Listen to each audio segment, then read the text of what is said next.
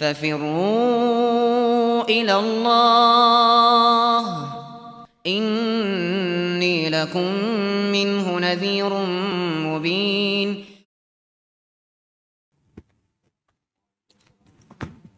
الحمد لله رب العالمين والصلاة والسلام على المبعوث رحمة للعالمين نبينا محمد وعلى آله وصحبه ومن تبعهم بإحسان إلى يوم الدين أما بعد.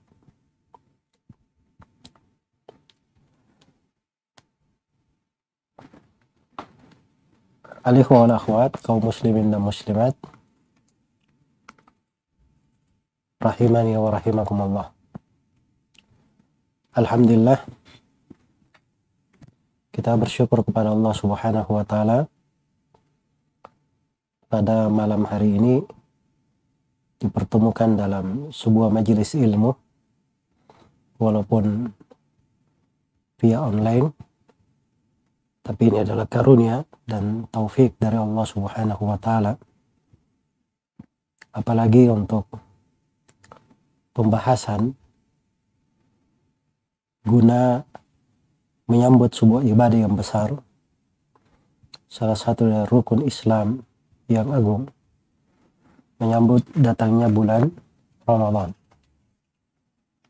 Semoga Allah subhanahu wa ta'ala menganugerahkan kepada kita semua ilmu yang bermanfaat dan menjadikan ilmu yang kita pelajari selalu mendukung kita, membantu kita dan menambah untuk kita semua ilmu dan amalan. Innahu waliyu dhalika wal qadiru alaih. Dan saya berterima kasih kepada Ustadzana Ustadz Alwi Habibullah Ta'ala atas kesempatan yang telah diberikan beliau bersama seluruh tim yang telah menyelenggarakan acara ini semoga Allah Subhanahu wa taala mencatat pahala yang terindah untuk beliau dan seluruh timnya yang menjadi sebab terselenggaranya acara ini menjadi timbangan yang berat untuk mereka di sisi Allah Subhanahu wa taala kelak di kemudian hari. Innahu waliyyu dzalika wal qadiru tema yang akan dibahas pada malam hari ini adalah agar Ramadan lebih bermakna agar Ramadan lebih bermakna. Nah ini adalah sebuah pembahasan yang penting dan fikih yang harus selalu diulangi dan selalu diperhatikan bukan hanya terkait dengan puasa dan Ramadan saja tapi ini fikih juga terkait pada pintu-pintu ibadah yang lain. Karena setiap ibadah, apalagi dia adalah rukun Islam, itu pasti disyariatkan di dalamnya hikmah-hikmah atau diterangkan di dalamnya hikmah-hikmah dan dibangun di atas maksud-maksud yang agung dan mulia. Dan ini semuanya adalah hal yang harus kita pahami agar supaya ibadah kita menjadi lebih bermakna. Baik, tidak banyak waktu di kesempatan yang diberikan. Saya akan uh, mengglobalkan atau akan memberikan beberapa poin pembahasan terkait dengan tema ini agar Ramadan menjadi lebih bermakna. Yang pertama yang diperlukan agar Ramadan kita menjadi lebih bermakna adalah kita perlu mengenal kedudukan puasa itu dan keagungan puasa di sisi Allah Subhanahu wa taala. Sesuatu itu diketahui apabila diketahui keagungan dan kedudukannya maka itu akan besar di dalam jiwa memiliki tempat yang sangat agung di dalam hati dan ini semuanya akan menyebabkan seseorang itu mengagungkan dari puasa. Nah ini sudut pandang secara umum akan merubah bagaimana sikap seseorang terhadap puasa itu kehidupannya bersama puasa Ramadan. Iya.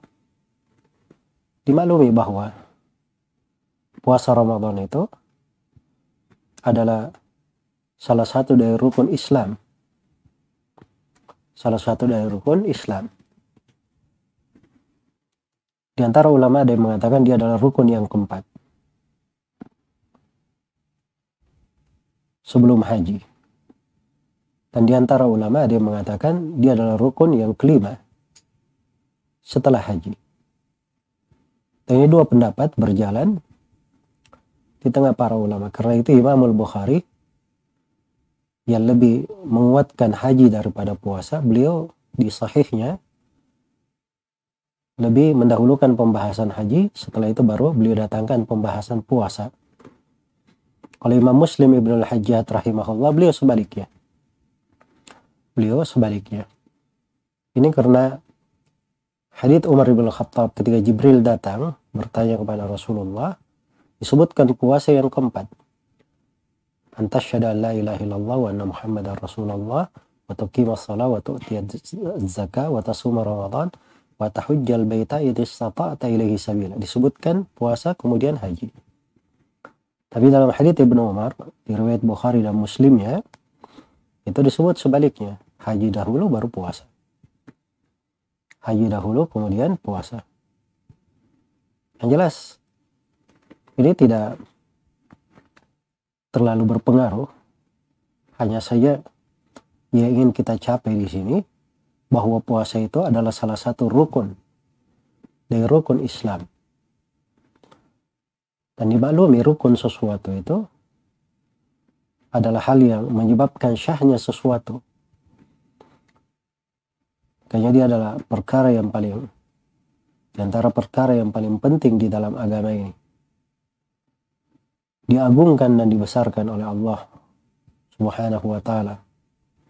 Diterangkan ayat-ayat tentang kewajiban puasa, syariat di dalam puasa, berbagai ibadah di bulan di bulan Ramadan serta diterangkan bagaimana hukum-hukum seputar puasa itu.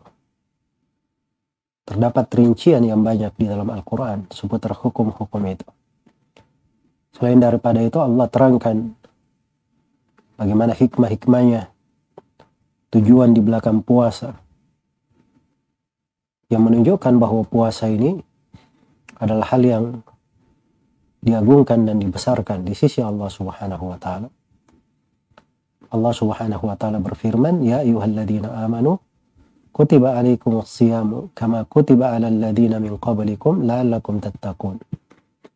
Wahai orang-orang yang beriman, Pertama dipanggil dengan seruan keimanan. Kutiba alaikum siyam telah diwajibkan atas kalian berpuasa. Langsung penegasan kewajiban.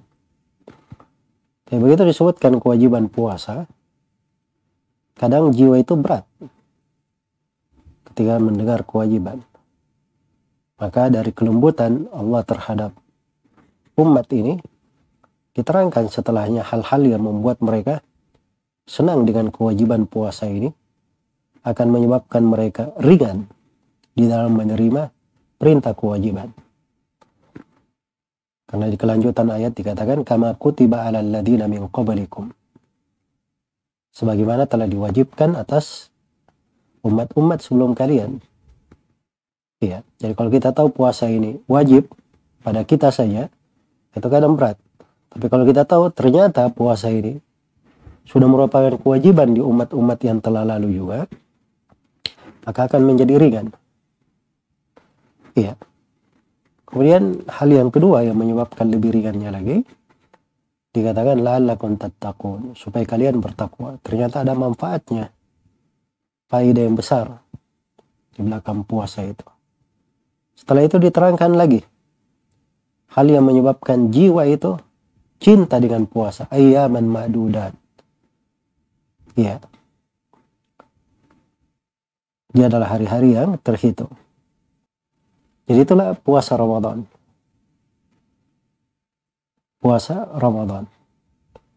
Dia adalah jumlah dari waktu dan hari-hari atau dari hari-hari yang Allah Subhanahu wa taala telah bukakan untuk umat ini dimudahkan untuk mereka di dalam menunaikan puasa tersebut. Iya. Dimudahkan untuk mereka di dalam menunaikan puasa tersebut. Makanya diterangkan di belakang kewajiban puasa ini diterangkan bahwa puasa itu ayaman ma'dudat. Dia adalah hari-hari yang terbilang. Ma'dudat itu kalau bahasa Arab ya. Disebut ma'dudat itu jamak muannas salim. Dan jamak muannas salim itu di kalangan orang Arab disebut sebagai jamak killah. Jamak yang menunjukkan sedikit. Jam, jamak yang menunjukkan sedikit. Jadi hari-hari yang terhitung. Ya kayak pembahasannya itu ringan. Hari-hari sedikit. Bisa dihitung. Bisa dihitung. Kemudian di ayat setelahnya dikatakan syahrul Ramadan. Bulan Ramadan. Ya. Ini semuanya hal yang membuat jiwa itu menjadi ringan menerimanya. Tapi dari sini kita bisa memetik agungnya puasa ini di sisi Allah ya satu bulan penuh tapi subhanallah mengerjakannya itu adalah bagian dari keimanan di belakangnya terdapat faidah-faidah yang sangat besar dan puasa ini juga telah diwajibkan atas umat-umat yang telah lalu dan bulan Ramadan secara umum satu bulan penuh itu mudah untuk orang mengerjakannya tidak terasa kita memasuki bulan Ramadan, tiba-tiba sudah keluar dari bulan Ramadan. Umumnya seperti itu. Di tengah umat Islam. Jadi subhanallah, ini dari keagungan dan besarnya puasa itu. Apalagi kalau kita bahas tentang bagaimana keutamaan ketua, keutamaan puasa dari ayat-ayat Al-Quran maupun hadith-hadith Rasulullah Sallallahu Alaihi Wasallam ya maka ini akan tampak sekali kadar keagungan dan kedudukan puasa ini yang sangat besar di sisi Allah Subhanahu wa taala.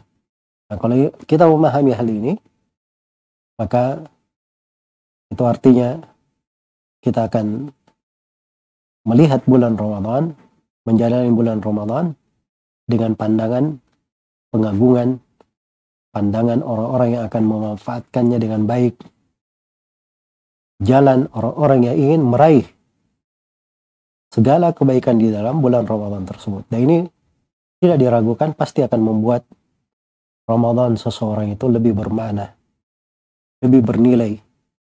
Dan akan lebih banyak pintu ketaatan yang bisa dikerjakan di dalamnya. Kemudian yang kedua, agar Ramadan lebih bermakna, adalah kita banyak merenungi dari hikmah-hikmah dan maksud-maksud agung di belakang pensyariatan puasa. Jadi puasa itu ada hikmah-hikmahnya. Ada makasid, ada maksud-maksud di dalam pensyariatan puasa. Ada maksud di dalam pensyariatan puasa. Dan subhanallah pensyariatan puasa ini itu ada yang terkait dengan penjagaan terhadap agama. Karena ini adalah rukun Islam dari agama yang agama yang lurus. Dan di dalam puasa itu terdapat penjagaan terhadap jiwa. Sebab orang yang berpuasa dengan hikmah-hikmah dan syariat dari puasa itu, dia akan pandai untuk mengontrol dirinya. Pandai untuk mengontrol dirinya. Karena makanannya, minumannya, syahwatnya dia tinggalkan karena Allah. Itu latihan untuk mengontrol dirinya. Iya.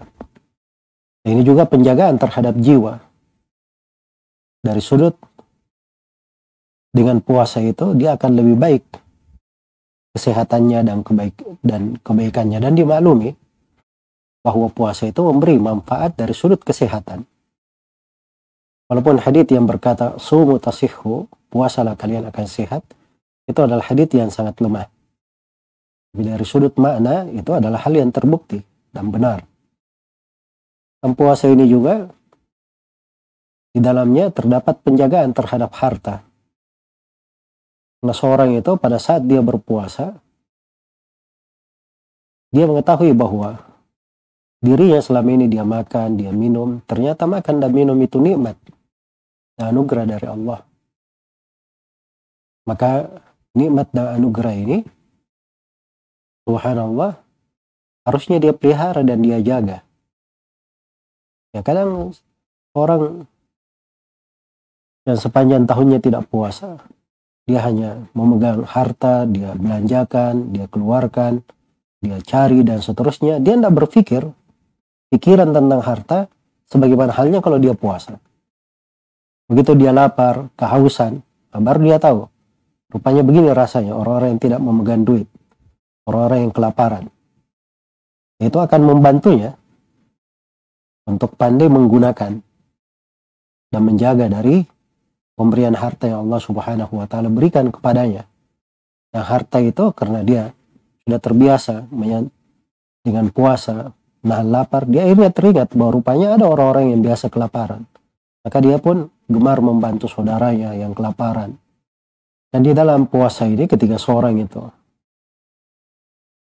pandai mengontrol dirinya, itu juga dia akan pandai menahan syahwatnya itu penjagaan terhadap kehormatan, penjagaan terhadap keturunan. Iya. Penjagaan terhadap keturunan.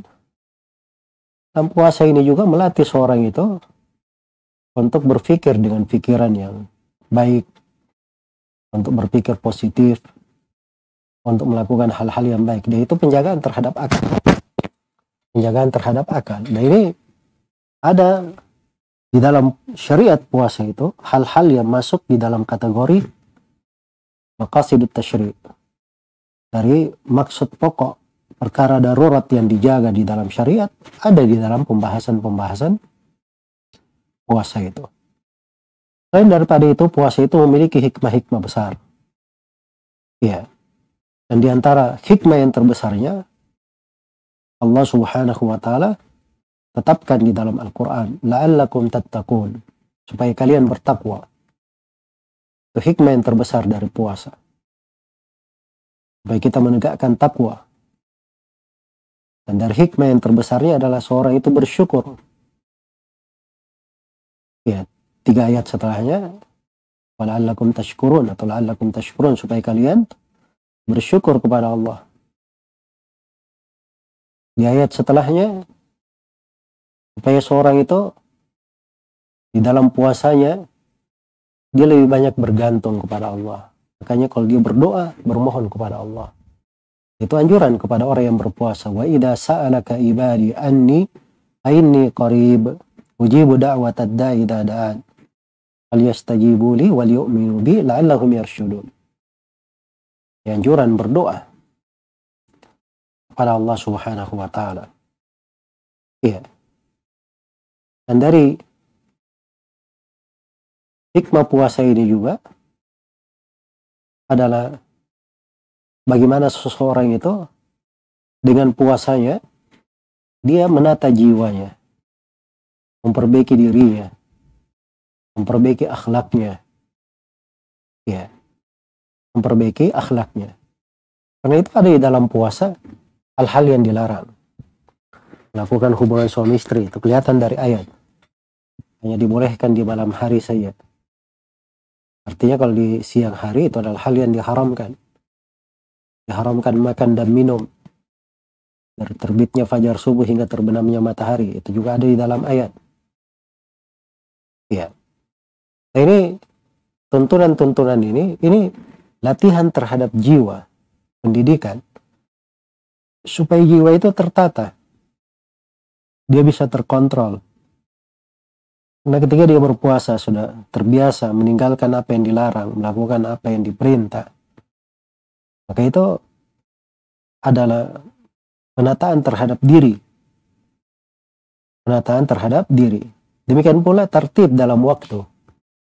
Orang komitmen dalam kerjanya, teratur dalam hidupnya. Makanya puasa itu ada aturannya. Aturannya mulai puasa ketika terbitnya fajar subuh yang kedua atau fajar subuh sadiq dan selesainya ketika matahari terbenam. Ketika matahari terbenam. Maka ini pengaturan seorang itu bagaimana? Dia tertib, rapi, teratur di dalam kehidupannya. Bukan amburadul hidup seorang itu. Ya, melakukan sesuatu. Ya, tidak ada aturan dan ketentuannya. Tapi dia tata dirinya. Nah, itu umumnya ibadah seperti itu. Puasa, sholat, ya ketika orang sudah takbiratul ihram sampai salam itu mengikuti aturan sama dengan haji haji itu ada rutenya mulai dari Mina hari Tarwiyah kemudian ke Arafah dari Arafah ke Musdalifah dari Musdalifah ke Mina lagi kemudian ke Mina dia ke Mekah kemudian balik lagi ke Mina kemudian dilakukan mabit itu semuanya urutan-urutan kayak menata latih diri. Nah, itulah kehidupan seorang muslim. Kemudian dari rahasia puasa ini, dari hikmah ya, dari hikmah di belakang puasa ini, puasa ini melatih seseorang untuk bersikap adil dan pertengahan. Bersikap bersikap adil dan pertengahan. Perhatikan ya syariat puasa ini berlaku untuk semua umat. Semua umat Islam yang kaya maupun yang miskin, yang raja maupun rakyat, pemimpin maupun yang dipimpin. Kalau dia muslim, semuanya wajib untuk berpuasa. Nah itu Rasulullah Sallallahu Alaihi Wasallam berpuasa, sebagaimana para sahabatnya berpuasa. Iya. Ini menanamkan kepada kita semua prinsip dasar keadilan yang dijaga, dipelihara, semuanya berlaku terhadap umat ini, terhadap umat ini. Ketentuan yang berjalan. Nah, itu penataan terhadap jiwa luar biasa. Kemudian puasa itu dilatih seorang itu untuk bersikap pertengahan. Karena itu puasanya itu ada makan sahur. Nah, dia puasa begitu saja. Dia buat dirinya kelaparan setengah mati. Tapi diberi makan sahur supaya dia mengambil kekuatan untuk bisa berpuasa. Waktu berbuka, dia berbuka. Diperintah untuk bersegera berbuka. Nah itu sikap ekstrem kalau dia undur-undur berbukanya. Iya. Nah itu Nabi Shallallahu Alaihi melarang menyambung puasa dua hari berturut-turut dilarang oleh Nabi Shallallahu Alaihi Wasallam. Iya. Ketika ada seorang sahabat yang atau tiga orang sahabat yang datang itu, Nabi Shallallahu Alaihi Wasallam mengajarkan sikap pertengahan. Iya menyiarkan sikap pertengahan. Maka puasa ini melatih seseorang itu untuk bersikap pertengahan, seimbang, tidak ekstrim. Tidak ekstrim. Ya, karena itulah kalau kita lihat misalnya, kenapa ada orang-orang yang apa namanya banyak berpuasa, banyak membaca Al-Quran, tapi tiba-tiba menjadi pelaku peledakan, terorisme, dan sebagainya. Jadi orang-orang yang ekstrim, itu karena dasarnya dia tidak punya fikih terhadap ibadah yang dia lakukan. Karena itu ciri umum kaum radikal, mereka bersyirikat di dalamnya. Setiap orang yang radikal itu tidak ada yang belajar agama dengan benar. Tidak ada yang belajar agama dengan benar. Karena orang yang belajar agama dengan benar, itu dia akan tahu bagaimana indahnya agama itu. Orang yang belajar agama dengan benar dan diamalkan dalam hidupnya, itu akan membuat hidupnya itu menjadi kehidupan yang seimbang, pertengahan. Dan dia tidak akan melampaui batas. Iya. Dari hikmah puasa ini, di dalam puasa itu terdapat jenjang-jenjang penghambaan. Di dalam puasa itu terdapat jenjang-jenjang penghambaan dan makomat ubudiyah yang sangat agung dan sangat besar. Mungkin ini kita akan lebih perluas nanti pembahasan yang ketiga nanti. Iya. Kemudian dari hikmah puasa yang patut kita renungi bahwa puasa itu adalah pendidikan untuk kita terbiasa melawan syaitan. Tidak menaati ajakan dan seruan syaitan. Nah itu kata sebagian ulama, puasa itu mempersempit jalannya syaitan. Ramewan di dalam hadis Rasulullah SAW bersabda, Inna syaitana yajri ibni Adam majarad, majarad dam. Sungguhnya syaitan itu berjalan di tengah anak Adam seperti perjalanan darah. Iya. Berjalan di tengah anak Adam seperti perjalanan darah. Jadi dia mengalir di dalam darahnya. Anak Adam itu. Nah, puasa ini ketika dia lapar, kita akan membuat pembuluh darah itu menyempit. Dan itu mempersempit syaitan pada diri seorang. Karena itu umumnya orang yang berpuasa itu, itu lebih ringan melakukan ketaatan. Lebih cepat tersentuh hatinya. Lebih lembut pembawaannya. Lebih lembut pembawaannya. Makanya kalau dipahami fikih ini, bahwa seorang itu ketika dia masuk Ramadan, dia lihat di tempat-tempat, di situ dia menyelisihi syaitan, menyelisihi hawa nafsunya. Menyelisihi hawa nafsunya. Dan ini pendidikan besar juga dari puasa, dari hikmahnya. Puasa itu melatih kita untuk tidak menawati, tidak menaati jiwa dan hawa nafsu. Inna nafsala ammaratun bisu illa ma rahimah rabbi. Sungguhnya jiwa itu banyak memerintah kepada kejelekan kecuali siapa yang dirahmati oleh Allah. Iya. Nah, puasa ini melatih untuk seorang itu menahan dirinya. Menahan jiwanya. Maka ini akan membuat apabila hikmah-hikmah ini diperhatikan, tidak diragukan, puasanya itu akan lebih bermakna. Puasanya akan lebih bermakna. Kemudian yang ketiga, agar Ramadan lebih bermakna, adalah seorang itu bersungguh-sungguh, berijtihad di dalam memperbaiki hatinya, di dalam membenahi hatinya. Karena hati ini, ini adalah pokok dari kebaikan. Dasar untuk segala kebaikan. Iya. Karena itulah memperhatikan kondisi hati sangat penting sekali. Dan Nabi Shallallahu Alaihi Wasallam memberi isyarat-isyarat pada wijangan-wijangan beliau ketika beliau memberikan ketentuan atau keutamaan-keutamaan puasa seperti misalnya di hadith Hurairah riwayat Bukhari dan Muslim dengan tiga konteksnya. Man sawma Ramadana imanan wa ihtisaban. Riwayat yang lain man qama Ramadana imanan wa ihtisaban. Riwayat yang ketiga man qama lailatul qadri imanan wa ihtisaban. Gufira lahu ma taqaddama min dhanbi.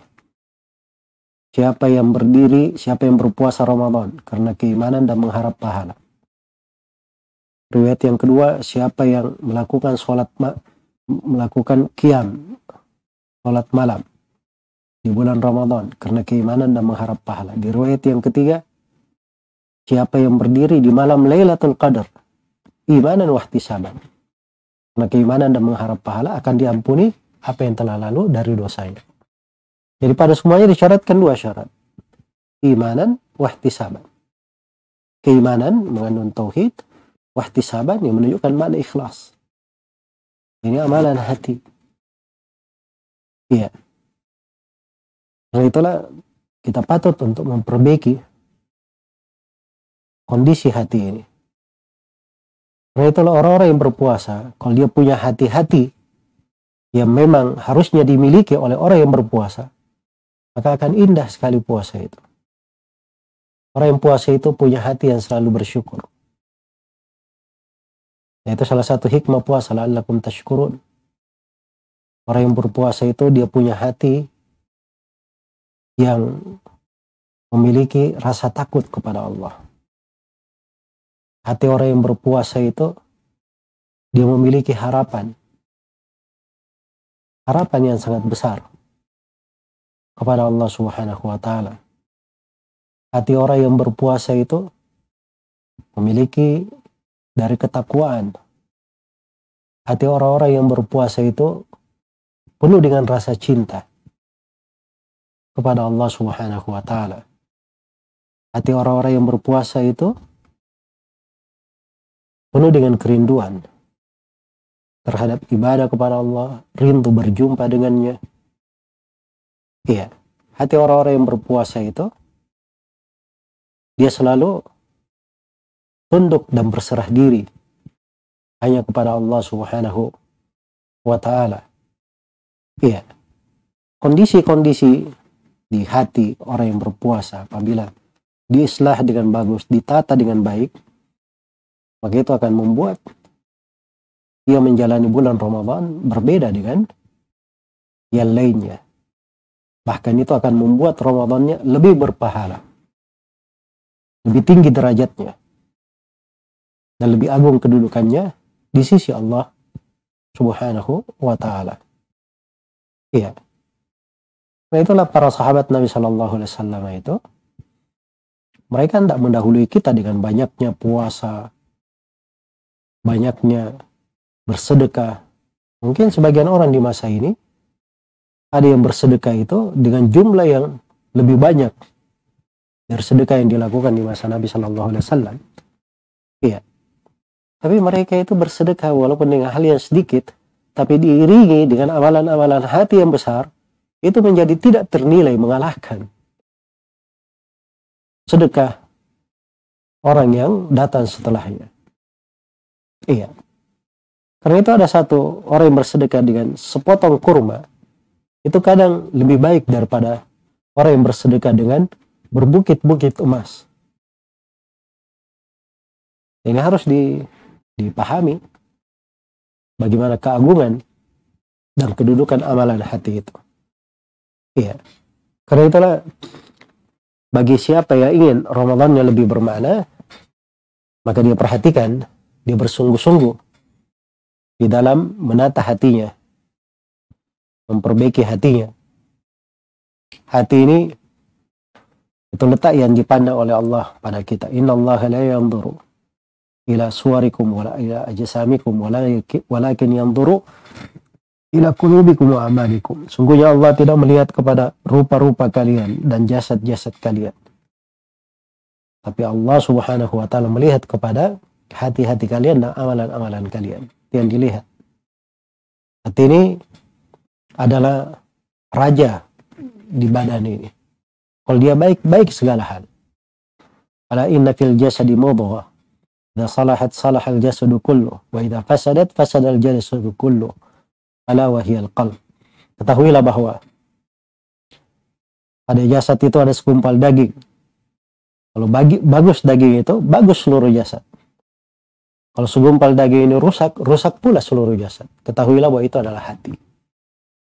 Hati inilah yang menjadi syarat seorang selamat pada hari kiamat. Yawma la yanfa'u malu wala banun illa man atallaha biqalbin salim hari di mana harta dan anak-anak tidak bermanfaat kecuali siapa yang datang menghadap kepada Allah Subhanahu wa taala dengan hati yang selamat. Nah, ini untuk amalan hati perlu pikir, perlu dipelajari. Perlu dipelajari. Ya, dan tentunya ini kesempatan ringkas saya hanya mengingatkan kaidah-kaidah besar. Padahal ini adalah termasuk pokok yang paling agung ya yang membentuk kebaikan menyebabkan seseorang itu memahami ibadah atau melakukan ibadah dengan hal yang paling indahnya. Dan membuat ibadah itu lebih berarti dan lebih bermakna. Iya. Nah ini ada fikih tersendiri di dalamnya. Dan sudah pernah ada ceramah-ceramah kita di harian di bulan Ramadan tentang fikih amalan hati ini atau amalan hati orang-orang yang berpuasa. Nah itu selama 30 hari itu pun tidak seluruh amalan hati yang saya singgung.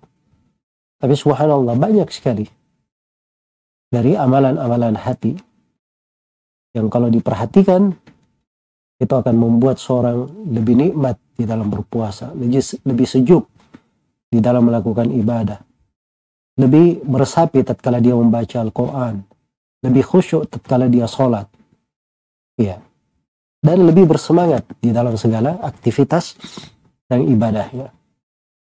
Sehingga pentingnya untuk mengenal amalan hati dan pentingnya untuk kita semua memperbaiki, menata, dan mem lalu menjaga kesucian dan kebersihan hati ini. Kemudian yang keempat, agar Ramadan lebih bermakna, adalah berbekal dengan mengenal hukum-hukum dan ibadah-ibadah yang disyariatkan di bulan Ramadan. Ini pikir harus dilakukan. Ya, kalau dia ingin ketaatan, dia harus lakukan ibadah. Ibadah itu apa? Apa yang disyariatkan? Itu harus dia pelajari. Harus dia pelajari. Hanya harus dia pelajari apa hukum-hukum seputar puasa. Apa hukum dari puasa tersebut. Apa-apa yang disyariatkan di dalamnya. Apa sunnah-sunnahnya. Apa ibadah-ibadah yang disyariatkan saat berpuasa. Apa yang disyariatkan di bulan Ramadan Iya. Secara khusus.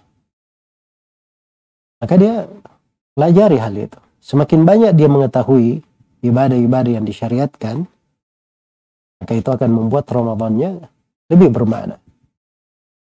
Ya, jadi kalau seorang cuma tahu di bulan Ramadan puasa saya, dia sedikit kegiatannya. Tapi kalau dia tahu ternyata di bulan Ramadan ada puasa, ada berdoa, ada membaca Al-Quran, ada sholat malam, ada berzikir, ya. Ini dari jenis-jenis ibadah. Ada sedekah, ada menyambung silaturahmi, ada umrah, dan sebagainya dari ibadah-ibadah yang disyariatkan. Akhirnya akan membuat dia itu banyak kesibukan dan jiwanya akan apabila sudah bersemangat jiwa itu dia akan bersemangat untuk mencari ibadah-ibadah yang bisa dia tegakkan di bulan Ramadan. Iya. Demikian pula di dalam mengenal fikih, ahkam, dan ibadah ini, ini akan membuat seorang itu jeli di dalam melakukan ibadah. Sebab ibadah itu, itu tidak dilihat pada kuantitasnya. Tapi nilai ibadah itu berdasarkan kualitas. Berdasarkan kualitasnya. Kalau ibadahnya berkualitas akan semakin bernilai dan semakin tinggi derajatnya. Semakin tinggi derajatnya. Karena itulah ada amalan-amalan yang bisa dilipat gandakan pahala dan kebaikannya. Nah, ini juga perlu dipelajari. Perlu dipelajari. Tapi pokoknya yang melipat gandakan ama pahala itu, hal yang melipat gandakan pahala itu ada lima. Yang pertama ada yang kembali kepada si pelaku. Kembali kepada pelakunya sendiri. Yang, yang, yang sana ikhlas, yang ini tidak ikhlas. Yang sana khusyuk, yang ini, ini tidak khusyuk. Itu berbeda kedudukan dan jenjangnya. Iya. Di satu bab saja di pembahasan ikhlas, kadang ada amalan yang kecil menjadi sangat besar karena ikhlasnya. Kadang ada amalan yang besar menjadi kecil, bahkan mungkin tidak berharga juga karena masalah akan keikhlasannya. Iya. Maka ini kadang dilihat pada pelakunya. Nah yang membuat pahala itu dilipat gandakan kadang terkait dengan amalannya. Amalannya itu sendiri. Ya, kalau misalnya dia bersedekah di bulan Ramadan atau melakukan buka puasa atau dia melakukan sholat malam ya itu ada bentuk pelipat gandaan demikian pula Demikian pula pada amalan-amalan yang sudah ditetapkan di dalam syariat di selain Ramadan ini. Ya. Kemudian yang ketiga dari hal yang melipat gandakan pahala itu adalah pengaruh dari amalan tersebut. Pengaruhnya. Iya. Nah itu seorang alim kadang dia beramal dengan amalan yang sedikit, tapi pengaruh dari kebaikan yang disebarkan, nah itu menjadikan amalannya menjadi berlipat-lipat. Sama dengan seorang pemimpin yang adil, keadilannya yang merata di tengah manusia, itu kadang menjadikan amalan dia menjadi sangat besar di sisi Allah Subhanahu wa taala, dilipat gandakan. Kemudian yang keempat, kadang yang melipat gandakan pahala itu dilihat pada tempatnya.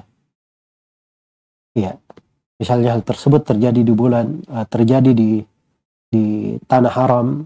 Iya ini terkait dengan tempat. Kemudian kalian dilipat gandakan pahala juga terkait dengan waktunya. Seperti di bulan Ramadan ini di malam Lailatul Qadar. 10 malam Dhul Hijjah ya jadi ini lima hal perputaran kalau ingin mencari tempat-tempat dilipat gandakannya pahala dan kelihatan ya bahwa Sudut yang paling besarnya itu ada dua. Orang mengetahui amalan hati sebab itu terkait dengan si pelaku amalan. Dan yang kedua, hal yang terkait dengan amalan itu sendiri. Dan ini perlu dia kenal hukum-hukum ibadah-ibadah yang disyariatkan. Dan ini pembahasan kita di sini. Dari hal yang bermakna adalah yang membuat Ramadan lebih bermakna seorang berbekal dengan hukum-hukum mengenal fikih tentang ibadah-ibadah yang disyariatkan di bulan Ramadan. Ya. Kemudian yang kelima dan ini mungkin yang terakhir. Yang kelima dari fikih amalan dari hal yang membuat Ramadan lebih bermakna adalah seorang itu menyambut bulan Ramadan dengan segala kesiapan. Dia sambut bulan Ramadan dengan segala kesiapannya. Jadi jangan dia santai-santai saja mau masuk bulan Ramadan hanya bengong saja. Dia harus bersiap menyambut bulan Ramadan. Dipersiapkan segala hal. Dipersiapkan hatinya. Dia sudah tata, dia sudah perbaiki. Ramadan sudah mau datang, dia bergembira dengan hal tersebut. Itu amalan hati, bergembira dengan datangnya kebaikan. Dia bertobat dan beristighfar dari dosa-dosanya. Sehingga dia masuk ke Ramadan di kondisi yang paling baik dan paling dicintai oleh Allah subhanahu wa ta'ala. Iya. Kalau dia punya hutang-hutang, dia selesaikan, dia lunasi. Dia punya keterkaitan terhadap manusia, dia meminta maaf agar supaya dia masuk ke bulan Ramadan itu dengan kesiapan yang paling besar ya. Menyambut bulan Ramadan itu sebagai seorang hamba yang paling dicintai oleh Allah Subhanahu wa taala di, di atas kondisi yang seperti itu. Maka dia sambut dengan persiapan. Makanya Nabi Shallallahu Alaihi Wasallam sebelum beliau masuk Ramadan, beliau berpuasa di bulan Syaban, memperbanyak puasa. Sejumlah as-salaf menyebut bulan Syaban itu sebagai bulannya para pembaca Al-Quran. Sudah banyak membaca Al-Quran sebelum masuk di bulan Ramadan ya. Yang memperbanyak sholat. Ini persiapan untuk menyambut katanya bulan Ramadan. Iya. Maka kalau seorang bersiap dengan persiapan yang baik dan benar, maka ini akan membuat Ramadannya pasti lebih bermakna pasti akan lebih bermakna.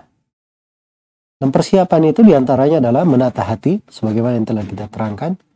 Dia mempelajari hukum-hukum yang diperlukan di bulan Ramadan. Iya. Di ustadz-ustadz itu guru-guru kalau dia mau masuk Ramadan, dia baca kembali buku-buku pembahasan seputar puasa. Karena itu perlu untuk selalu diingat, diperhatikan, direnungi, dicermati, dan selalu seorang memperhatikannya. Alhamdulillah sekarang ini banyak kemudahan seorang yang ingin apa namanya pembahasan-pembahasan seputar Ramadan, fikih dan seterusnya dia bisa lihat ceramah dari guru-guru yang sudah ada di media-media untuk dia kaji dan dia pelajari. Untuk kita sendiri, Alhamdulillah, kita ada pembahasan sebenarnya tafsir ayat-ayat hukum terkait dengan puasa.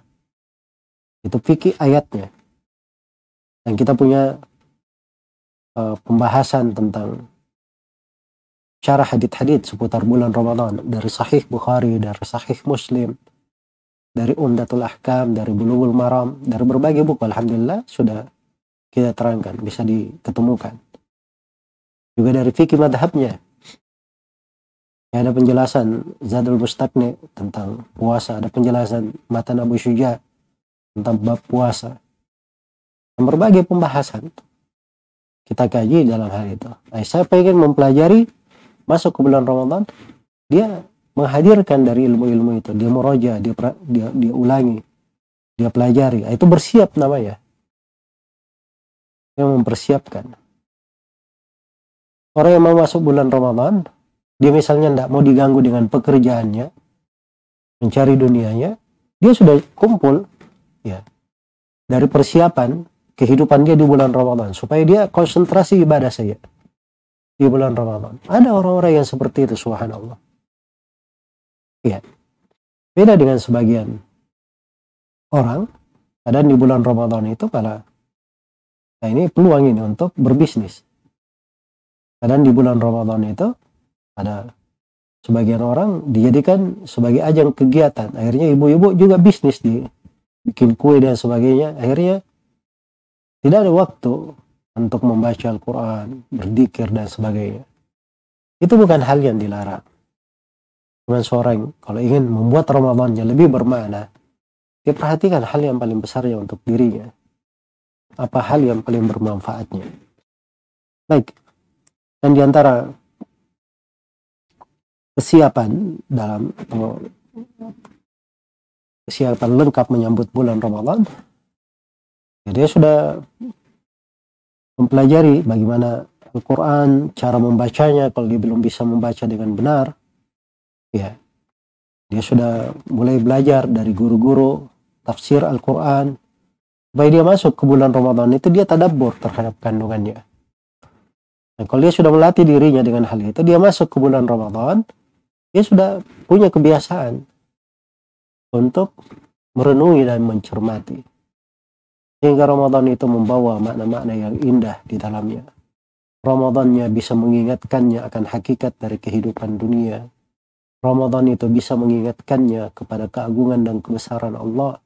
Ramadan bisa mengingatkannya tentang bagaimana jalannya Nabi Shallallahu Alaihi Wasallam dan para sahabatnya Ramadan itu bisa menyebabkan dia berlari dengan sedemikian kencangnya orang yang sangat rindu kepada Allah, kepada Rasulnya, kepada para sahabatnya, kepada negeri akhirat.